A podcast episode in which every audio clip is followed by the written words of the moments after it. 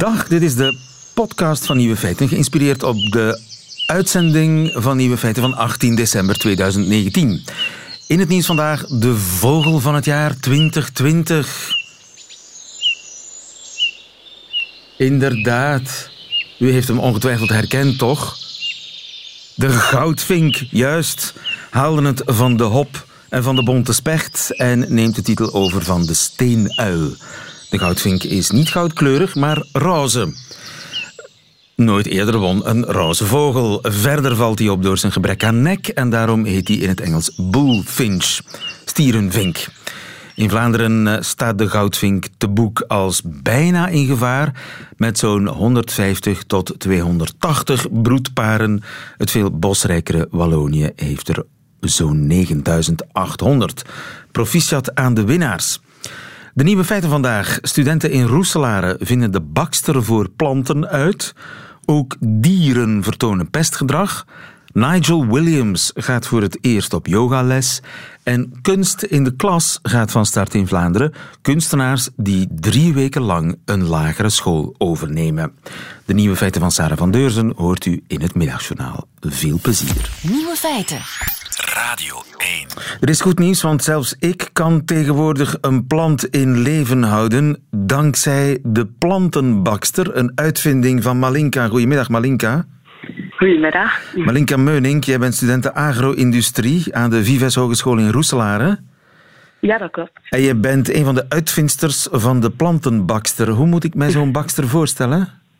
Uh, wel, we hebben eigenlijk een, een infusie uit de medische sector omgevormd tot, uh, tot irrigatiesysteem. Om dan eigenlijk zo uh, je planten water te geven. en zo kan een bakster, daarmee kan een plant één week eigenlijk overleven. En dus die bakster, dat ziet er eigenlijk precies uit als een bakster in het ziekenhuis? Ja, een, een zak met maar... vocht aan een stokje en dat stokje stop je dan gewoon in de aarde van de bloempot. Um, de stok is eigenlijk een statief dat verstelbaar is, dus het is aanpasbaar uh, aan verschillende soorten planten. Zo heb je, als je een grote plant hebt, allee, kan het ook gebruikt worden uh, daarvoor, maar ook voor een kleine plant. Ja. Het is wel geen zicht, hè, Malinka? Maar het is uh, grappig. Allee, ja, je plant aan het infuus hangen. Het is een goed idee en het is wellicht vooral geschikt voor mensen die langere tijd met vakantie gaan en die niemand willen lastigvallen met de opdracht ja. om de plantjes te komen water geven. Wat zit er allemaal in die bakster? Gewoon water of verrijkt ja, water? Gewoon water. Nee, gewoon water. water. Ja. Simpel. En ga je dat commercialiseren, Malinka? Uh, we zouden dat wel graag, uh, allee, we zouden wel graag uh, ja, groot worden, maar ja, het is nu nog maar een mini-onderneming, dus ja, we zien wel wat. Een mini-onderneming is ook een onderneming, hè? Kan ik, Ja, hem, kan ik hem bij jou bestellen? Ja, tuurlijk. Ah, fantastisch. We zetten de gegevens op onze site. Dankjewel, Malinka, en veel succes. Dank wel. Nieuwe feiten. Het is u wellicht niet ontgaan, de warmste week is gestart vandaag en eh, Radio 1 vestigt dit jaar uw aandacht op de kinderarmoede. Armoede die ook geestelijk kan zijn, want veel kinderen die groeien op in gezinnen waar geen aandacht is voor kunst, theater, literatuur, voor verbeelding, zeg maar. En ook op school is het vaak armoedtroef. Daar wil kunst in de klas iets aan doen. Kunst in de klas stuurt acteurs naar een basisschool in een kansarme buurt om daar met de kinderen samen een toneelstuk te maken. Op drie weken tijd. Elk kind krijgt een taak, elk kind krijgt een rol. Kunst in de klas bestaat al vele jaren in Nederland, waar het is opgericht door de gelauwerde topactrice Elsie de Brouw, winnares van twee Theodors en een Gouden Kalf. Maar nu is er ook een Vlaamse tak, die al in één schooltje is neergestreken in een arbeidersbuurt in Gent. Welkom allemaal. Wij hebben de afgelopen drie weken samen met jullie kinderen gewerkt aan een toneelstuk. Uh, met wij bedoel ik Kunst in de Klas. Dat is een stichting opgericht door Elsie de Brouw, die daar van achter staat. En we hebben elke dag de afgelopen drie weken twee uur per dag met jullie kinderen gewerkt. En daar is dit toneelstuk dat jullie gaan zien uh, het resultaat van. Kunst in de klas is ontstaan uh, eigenlijk doordat ik, uh, toen mijn eigen kinderen op de lagere school zaten, uh, kwam mijn oudste zoon thuis met een tekening waarop hij de zon zwart gemaakt had en een vliegende hond. En toen had de juffrouw erbij geschreven: Mooi, maar de zon is geel en een hond vliegt niet. Toen dacht ik, hé, wat jammer dat er zoveel fantasie wordt weggehaald. Dat alles altijd maar weer in het realisme wordt teruggeduwd. En toen ben ik destijds, het is nu al 30 jaar geleden... op die lagere school heb ik een project gedaan met de hele school... waarbij de verbeelding van de kinderen uh, het belangrijkste was. Daarvan uit gingen wij een voorstelling maken. Met die kinderen zelf. En zij, wij speelden zelf mee... En de kinderen bedachten eigenlijk hoe dat verhaal ging. Dus geen uit, de hoofd, uit je hoofd geleerde zinnetjes en geen kant-en-klaar verhaal, maar meer een raamwerk waarbinnen zij hun verbeelding mochten laten spreken. En dus, die had van alles uitgevonden. Wat had je uitgevonden? Een voetbal die vanzelf de goal in gaat. Wow. En toen heb ik daarna, 30 jaar later, kwam ik nog steeds mensen tegen, kinderen die nu volwassen waren, bij wie dat enorme indruk, op wie dat enorme indruk had gemaakt, omdat zij ineens naar de werkelijkheid konden kijken van als een kunstenaar, dus vanuit de fantasie en vanuit de verbeelding en niet alleen maar het getoetst wordend aan de realiteit, aan de realisme. En voor hen was dat heel belangrijk geweest. En toen dacht ik, ik moet dat nog steeds doen op uh, basisscholen. Omdat ik weet dat de verkleedkist verdwijnt, dat de poppenkast verdwijnt. Dat er steeds meer worden kinderen alsmaar weer teruggefloten naar het realisme. Dus je gaat altijd toetsen ja, of, het wel, of het wel echt waar is en of dat het niet kan. En ik wil kinderen juist zo graag de mogelijkheid geven dat ze dingen kunnen verzinnen die eigenlijk niet kunnen. Is dat een... Uh... Een engel? Nee, dat kan niet. Dus heb ik een stichting opgericht, Stichting Kunst in de Klas. En daarmee ga ik naar scho uh, lagere scholen, basisscholen toe... Um, waar kunst geen vanzelfsprekend uh, de aanwezigheid heeft. Dus er is geen uh, juffrouw die zingt. Er, is geen, er zijn geen ouders die kinderen naar pianoles meenemen... of die naar een museum gaan het bestaat gewoon niet. Het is, het is niet aanwezig. Er is alleen uh, realisme en, en, films over de werkelijkheid en over hoe het in het normale leven gaat. En daarmee kom ik dan binnen en dan neem ik meestal een Griekse mythe, omdat dat, omdat dat vrij abstracte, fantasievolle verhalen zijn. En dan vraag ik aan die kinderen: hoe denk jij dat Icarus naar de zon zou vliegen of zoiets dergelijks? En wat zou de zon dan zeggen tegen Icarus? En dan zeggen die kinderen meestal: Nou, die zon die praat niet hoor. En dan zeg ik van: Maar hoe weet je dat? Want je, heb je wel eens met de zon gepraat dan? En dan zeggen zij, nee, dat niet. Nou, nou, wat zou de zon kunnen zeggen? Nou, dan heb je eerst een beetje heel veel weerstand waar je doorheen moet. Maar dan uiteindelijk gaan ze dingen verzinnen die, die er niet zijn. En dan gaat er echt een wereld open. En ik wil niet dat ieder kind een kunstenaar wordt. Maar ik wil wel heel graag dat kinderen buiten de lijntjes weer even mogen kleuren. En dat dat gehonoreerd wordt in plaats van dat het afgestraft wordt. Die spelen wordt best wel afgestraft. Op, niet op alle scholen. Er zijn zeker scholen waarbij dat ook wel gebeurt. Maar er zijn veel scholen waarbij, waarbij de belasting voor het, het uh, rationele, de rationele ontwikkeling en de intellectuele ontwikkeling zo groot is. Dat je een heel stuk van dat creatieve brein, daar zijn allemaal onderzoeken naar gedaan. Als je dat creatieve brein niet openhoudt dan gaat het gewoon dicht en dan stomt het af. Mijn ervaring is dat basisschoolkinderen... die willen alleen maar doen alsof... en dingen verzinnen die niet, er niet zijn. Maar als je dat steeds maar afstraft... dan gaat het uiteindelijk dicht en dan gaat het ook niet meer open. En dat heb je niet alleen nodig om kunst te bedrijven... maar heb je ook nodig om, om een andere vorm van reizen te bedenken... of een nieuwe brandstof of een nieuw medicijn. Daarvoor moet je ook buiten de lijntjes kleuren. Moet je dingen bedenken die er nog niet zijn. Ga niet te hoog, of anders smelten je vleugels. Maar ook niet te laag, want anders worden je vleugels nat en zwaar en val je in de zee. Ik ben zelf uh, een kind, een stotterkind. Ik stotterde heel erg als kind. En dus ik was op school, kwam ik enorm in de problemen. Want, en ik voelde mij dus echt arm. Want ik kon niet laten zien wat ik eigenlijk allemaal had. Want het ging altijd maar over topografie en plaatsen die ik niet kon uitspreken. Of met voorlezen kon ik niks. En toen kwam er ineens een juffrouw en die zong. Die ging met ons zingen. En toen ging er echt een wereld voor mij op. Want dat kon ik wel. En daar kon ik wel. Uh, dus dan stotterde ik niet. En dan liet ze mij dus ineens ook wat zingen. En dan, dan, en dan de kinderen gingen heel anders naar mij kijken. Want meestal was het dus het stotterende meisje wat in, het hoekje, in een hoekje zat. die niet haar mond open durfde te doen. Maar ineens dachten ze van, huh, die kan wel wat. Dus je, je verandert de, een dynamiek in een klas ook volledig. Ik had uh, in Amersfoort een meisje wat echt heel erg in de problemen zat thuis. En die speelde de zon.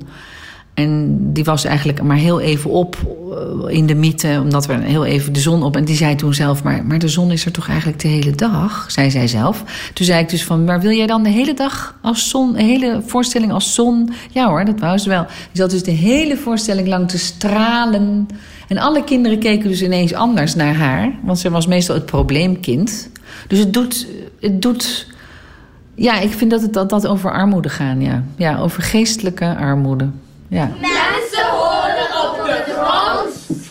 Ja, maar ik heb vleugels. En het zou het zonde zijn als ik ze niet mocht gebruiken. Elsie de Brouw over haar geesteskind kunst in de klas, die ook in Vlaanderen sinds kort is eh, opgericht door actrice Laura de Geest. Wilt u Kunst in de Klas steunen, dit eh, prachtige initiatief? En het is ook hard nodig, want het project staat nog in de kinderschoenen. Elsie de Brouw, de actrice die u net zo hoorde, die geeft een benefietvoorstelling van haar bejubelde monoloog Verboden Gebied. Vrouw in Niemands Land, in een regie van uh, Johan Simons. En dat doet ze in NT Gent, Minnemeers, op zondagmiddag 19 januari. Benefietvoorstelling. De opbrengst gaat integraal naar kunst in de klas. Alle informatie daarover vindt u op eh, kunstinteklas.org of op radio1.be bijvoorbeeld. Uh, daar staat ook alles op. En uw gulle bijdrage is meer dan welkom.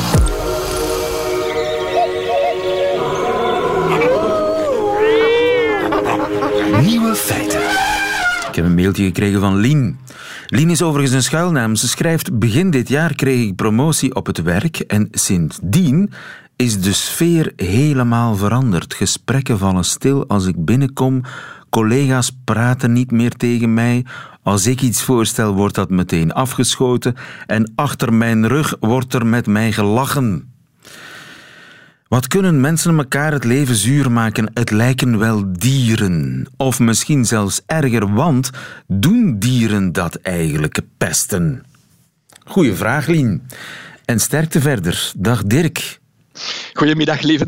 Onze huisbioloog Dirk Drouwlands. Wordt er ook gepest in pakweg het aquarium? Pesten vissen elkaar? Vissen kunnen elkaar uh, ja, de duivel aandoen. Of dat dat nu echt pesten is in de betekenis dat wij daaraan geven, dat is een vraag. Want in aquaria worden vissen dikwijls bij elkaar gestoken, te dicht bij elkaar, of in de context van beestjes die elkaar niet kunnen uitstaan, te veel mannetjes. En dan, ja, dan komen de, de testosteron, de, de, de agressieve toestanden naar boven en wordt er alles gevochten. Maar of dat dan echt hetzelfde is als wat dat wij het pesten noemen, dan denk ik uh, dat we het ver moeten gaan zoeken. De ver, daarmee bedoel je bij onze, ja, dicht eigenlijk bij onze, onszelf.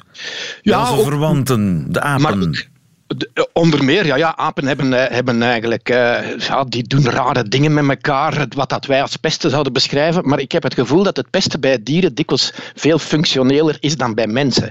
Bij mensen wordt er om velerlei redenen gepest, inbegrepen omdat dat plezant is voor degene die het doen. Zeker als men ziet dat dat een effect heeft op degene die gepest wordt. Maar in de natuur heeft dat bijvoorbeeld te maken met, uh, met als apen elkaar gaan pesten. Dan is dan om de hiërarchie te bepalen, om te kijken waar de grenzen liggen van wat dat ze met elkaar kunnen, uh, kunnen doen, om status te verhogen. Wat voor de mens ook een deel speelt natuurlijk. Van, van de, de, de, de, de, de, de persoon die zich interessant probeert te maken door dan voor zijn ondergeschikten een gemakkelijk slachtoffer slachtoffer te pesten.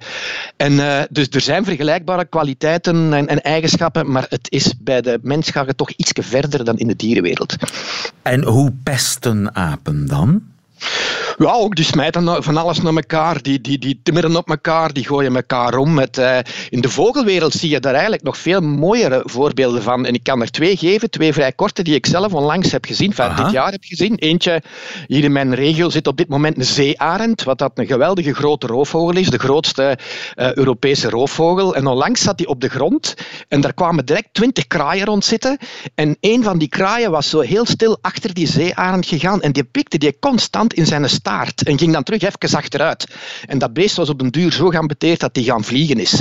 En dat is ook de functie van dat gedrag. een arend in een omgeving is een potentiële bedreiging, dus als je die dan zo kunt pesten dat die vertrekt, en dan is dat functioneel. En ik heb in het broedseizoen eens gezien, de ekster die broedde in de tuin van mijn moeder.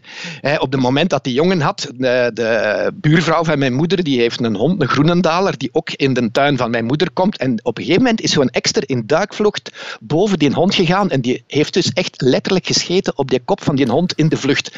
En dat beest was compleet van slag. En dat is dus dat ook een vorm van, van, van dieren die de anderen ambeteren om dan he, de veiligheid te verhogen. Dat zit er dus veel meer in dan bij ons, waar dat, dat eigenlijk vooral een kwestie is van, van, ja, van, van, van status en van plezier. Van plezier en, en uh, dieren vechten natuurlijk met elkaar, maar dat is iets anders. Hè. Dat is territoriumdrang, voilà, dat, is, ja. dat is echt openlijk vechten, dat is op de vuist gaan, bij wijze van spreken. Dat, dat is dat is dikwijls inderdaad veel meer functioneel dan bij de mens. Het ultieme bewijs dat, dat pesten bij de mens echt een plezierig karakter kan hebben, is natuurlijk dat als mensen dieren gaan pesten. En ik heb zo een voorbeeld gezien wat ik nooit van mijn leven vergeet. Tijdens een van mijn trips in, in Congo hadden wij een, eh, een, ergens een, eh, vonden wij een klein bonneboken, een weesje dat in beslag genomen was door de lokale autoriteiten. En dat beestje was dus van zijn geschoten moeder gehaald, dus die moeder was dood. En de, degene bij wie dat ze dat beestje in beslag hebben genomen, die hadden er niks beters in gevonden van hun sigaretten altijd maar uit te doen op dat lijf van dat beestje.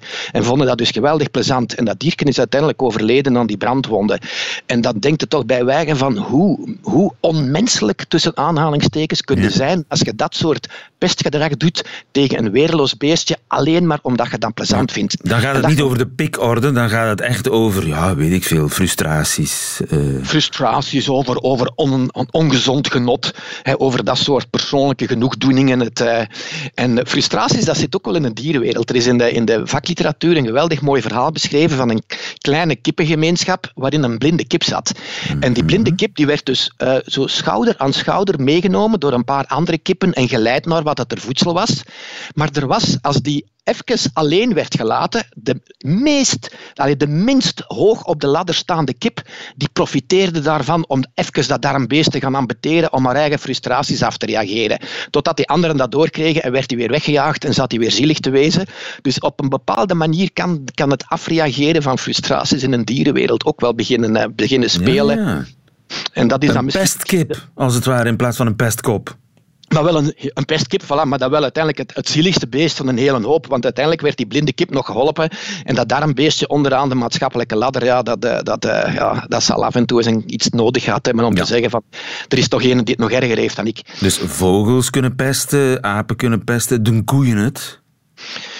We daar dat voorbeelden heb ik nog nooit ergens iets van, nog nergens iets van, heb iets van gelezen. Ik denk dat die daar misschien een beetje loom voor zijn. Het, uh, het, uh, je, moet, je, moet, je, moet, natuurlijk een bepaalde sociale constructie hebben en, en, en uh, die dat dus in de hand werkt. En ik weet niet of dat, dat bij koeien echt aan de orde is. Ja, maar goed, in ieder geval, het onderscheid tussen mens en dier vervaagt ook in deze materie, Dirk. Inderdaad, er zijn, er, zijn, er zijn redenen waarom dat mensen gaan pesten die ook in de dierenwereld voorkomen. Maar nogmaals, bij ons gaat dat weer een stapje verder. En uiteindelijk zitten wij ook in een, in een context waarin dat wij ons beseffen van de problemen die dat, dat pesten geeft, wat de meeste dieren niet hebben. Dus moeten wij in principe ook die, die cultuur die wij hebben gebruiken om te proberen dat... Te remmen. Cultuur is voilà. remmen natuurlijk. Hè. Kom af te maken met de natuurlijke drang om uh, uzelf te manifesteren ten koste van de anderen. Dirk Drouwlands, dank Dankjewel, goedemiddag. Radio 1. Nieuwe feiten.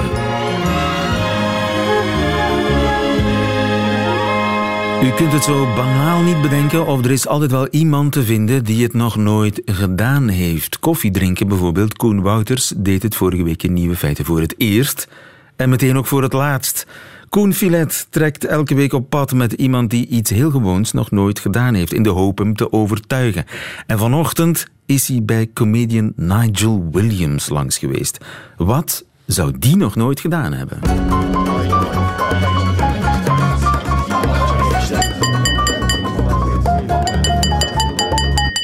Ik ben Nigel Williams en ik heb nog nooit een yogales gevolgd.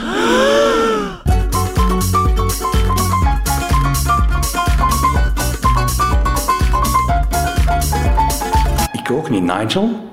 En ik heb de indruk dat meer en meer mensen aan yoga aan het doen zijn. Dat dat een, een beetje mode is zelfs. Ik denk dat meer en meer mensen eh, merken dat wij worden geleefd in plaats van te leven. Snap je wat ik bedoel? Ja, Alleen zijn ze met dingen bezig van oké, wie is... Allee, snap je jezelf zo wel... eh, Dus je- je- dus- tijd gunnen. Dus daaruit begrijp ik dat jij al lang zit te denken van ik zou misschien, Ik zit daar- zou ja. misschien aan yoga moeten doen. Ik zit daar jaren mee. Is het waar? Ook omdat ik zo'n stramme lichaam heb. En eh, Ja, dat is misschien belangrijk voor de luisteraars dat ze dat weten. Je gaat nu vandaag voor het eerst aan yoga doen, maar Ja. je hebt een beetje een, een lastig lijf. Ik heb twee knieprotheses en twee heupprotheses. En dat komt door een soort eh, de afrondingen van mijn gewrichten. Mijn broer zat in een rolstoel. Eh, voor hij stierf. En, en ik heb zo... eh, dat, dat brokkelt af gewoon. Dat is, dat is heel broos. Ja, de moderne wetenschap zeggen ze kap ermee en, en wees een robot. Achter jouw hoek van waar jij woont is een yogacentrum. ja, klopt. Vandaag zijn we binnengegaan, hè, want we staan al binnen bij Ananda Yoga Centrum. En onze guru voor vandaag staat hier eh, bij ons, Winde. Ja, guru, is dat het juiste woord, Winde? Eh, in India spreken ze over een guru, maar dat kan even goed een muziekguru zijn, een uh, yoga-guru, maar die naam in het Westen is heel erg bezoedeld geraakt. Ja, dat is waar. Maar in India is dat dus de, het normale woord voor leraar. Klopt, voor leraar, ja. Oké, schoenen uit, dat moet hier en dan kunnen we eraan beginnen. Schoenen en sokken, hè. Koen? Bloot. Ik heb de goede foto gewassen net.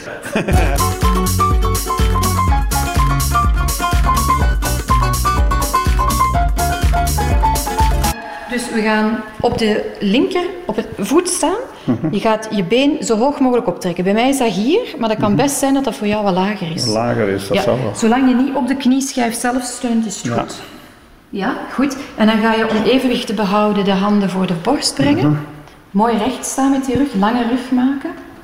En hoe rustiger je ademt, hoe beter je focus.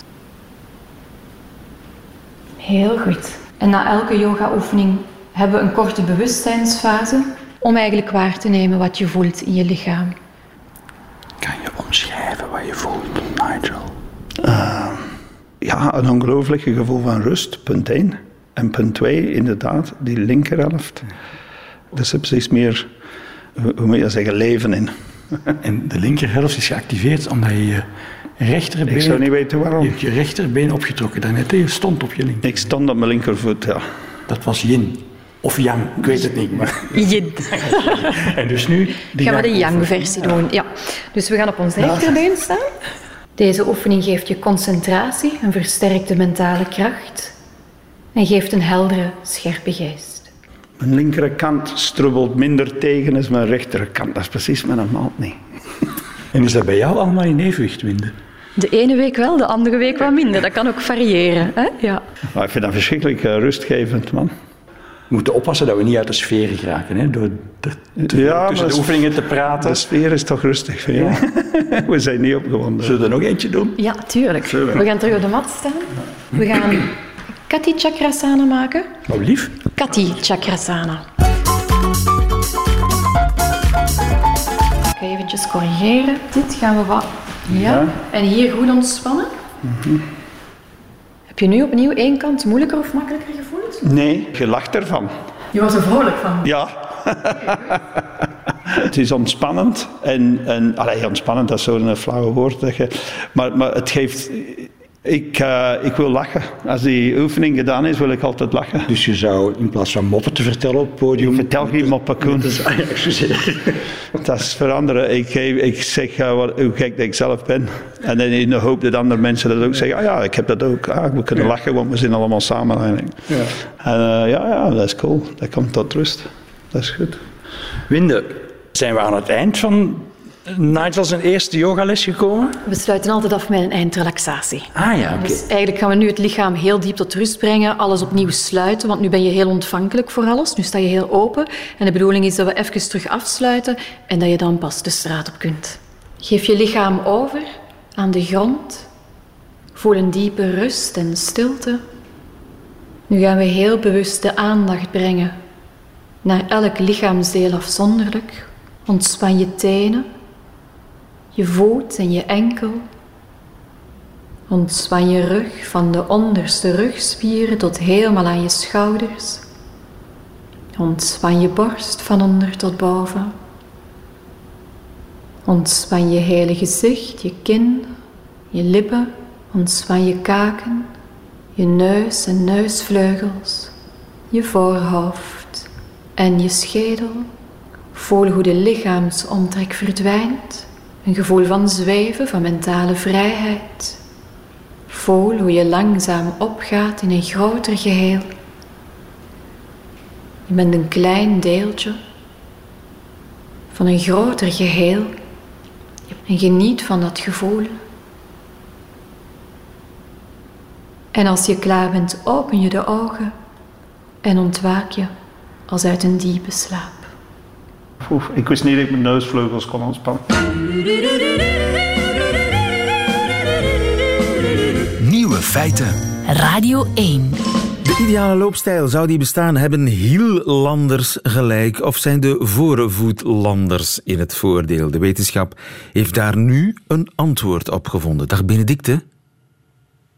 Goedemorgen. Uh, goedemorgen. Goedemiddag is het eigenlijk al, hè? Benedicte van Wanzelen. Ja. Onderzoeker aan de Universiteit van Leuven. Biomechanica van de menselijke beweging, dat is jouw specialiteit. Hiellanders, het woord zegt het al, die landen op de hiel. Voorvoetlanders, die landen op de bal van de voet. Hè? Dat is ja, het dat toch, klopt, inderdaad. En ja, we nu- maken daar een onderscheid. Dat onderscheid maken we. En nu hebben Australische onderzoekers een metastudie gedaan naar wat er gebeurt als je omschakelt. Als een balloper een hielloper wordt en omgekeerd. En wat blijkt daaruit?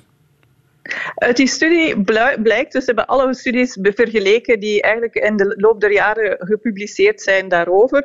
En daaruit blijkt dus dat als je dit wil gaan doen om je loopeconomie, dus hoeveel zuurstof dat je verbruikt eh, tijdens het lopen, als je het daarom doet, dan moet je het zeker niet gaan doen.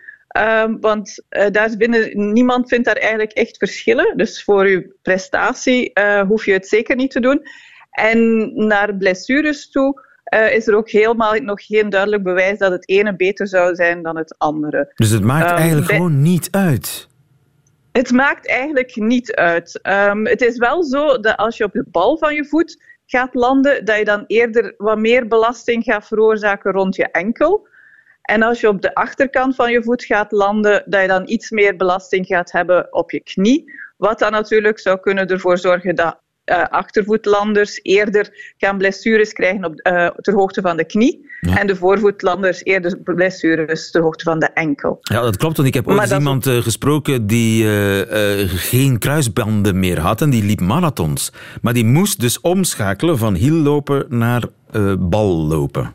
Om de knie te sparen. Ja. Dus dat klopt. Om de, ja, dat klopt inderdaad. Dan ga je de krachten die op je knie eh, komen tijdens het lopen iets gaan verminderen en eh, je enkel wat, wat meer gaan belasten.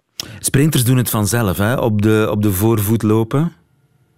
Ja, dat is inderdaad wel zo. Dat is eigenlijk vooral omdat hoe sneller dat je wil gaan lopen, hoe korter je contact moet zijn met de grond. En als je een heel kort contact met de grond wil hebben, dan moet je op je voorvoet gaan landen. Dus je moet eigenlijk een soort kaatbeweging gaan doen. Dus voor sprinters kan je alleen maar op je eh, voorvoet landen om, om zo snel te kunnen lopen. Ja, dus eigenlijk er is geen ideale loopmanier, want ja, landen op de voorvoet, dat heeft zo'n beetje de reputatie van het beste te zijn, maar dat is eigenlijk niet waar. Het is misschien, misschien een beetje eh, kniesparend, maar als je vooral je enkel moet sparen, dan loop je beter op je hielen. Ja, dat klopt. Dat klopt. En- Het is eigenlijk enkel alleen anekdotisch dat men dacht dat men ging meer ehm, eh, betere prestaties leveren met die voorvoetlanding. Maar die anekdote is dus voorgoed de wereld uit dankzij Australisch eh, onderzoek. Dankjewel, Benedict van Wanzelen. Goedemiddag. Goedemiddag. Feiten. Dat waren de nieuwe feiten van vandaag, 18 december. Alleen nog die van Sarah van Deurzen krijgt u in haar middagjournaal. Nieuwe feiten. Middagjournaal. Het leven is geweldig. maar de wereld is soms niet mee. Het is tegenwoordig niet altijd gemakkelijk om een mens met goede bedoelingen te zijn. En al helemaal niet om plichtsbewust en principieel in het leven te staan. Een vriendin van mij heeft het consequent omgaan met de klimaatproblematiek zodanig ver gedreven dat ze bij het voederen van haar meest recente baby niet langer van vliegtuigje of helikoptertje speelt om het eten via de lepel toe te dienen, maar die heeft vervangen door het openbaar vervoer. Met alle gevolgen van dien dat voederen duurt uren. Een oplossing zou misschien kunnen zijn dat we minder in termen van moeten en niet mogen praten, maar regelmatig al eens durven overschakelen naar aanraden en afraden. Het zit hem soms in kleine dingen. Zo ben ik een treinreiziger en over het algemeen best tevreden over de werking. In sommige momenten ben ik zelfs echt van. Het helpt me ook om de trein als een mens te zien en niet als machine. Mensen maken nu eenmaal fouten. Toch is er één iets dat me van het hart moet. En daarvoor adresseer ik me graag tot de mensen die de informatie omroepen op de perrons. Er zijn bestemmingen in Vlaanderen die zodanig klein zijn dat ook het perron maar zeer kort is. En dat wanneer we dus met een langere trein dan het perron zitten, uh, wordt er via het omroepsysteem gezegd reizigers met bestemming en dan dus de naam van die bestemming mogen niet instappen in de laatste drie rijtuigen.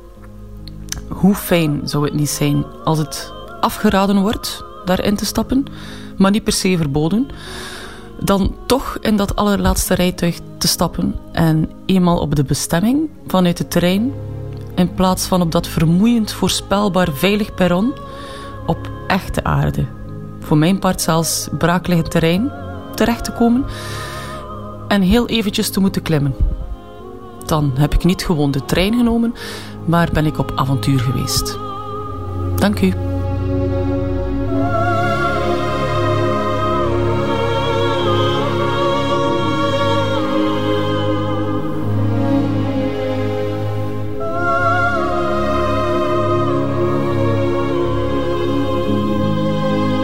Het Middagjournaal met Sarah van Deurzen. Einde van deze podcast. U vindt er nog veel meer op radio1.be en ook via onze app, de Radio 1 app. Tot een volgende keer.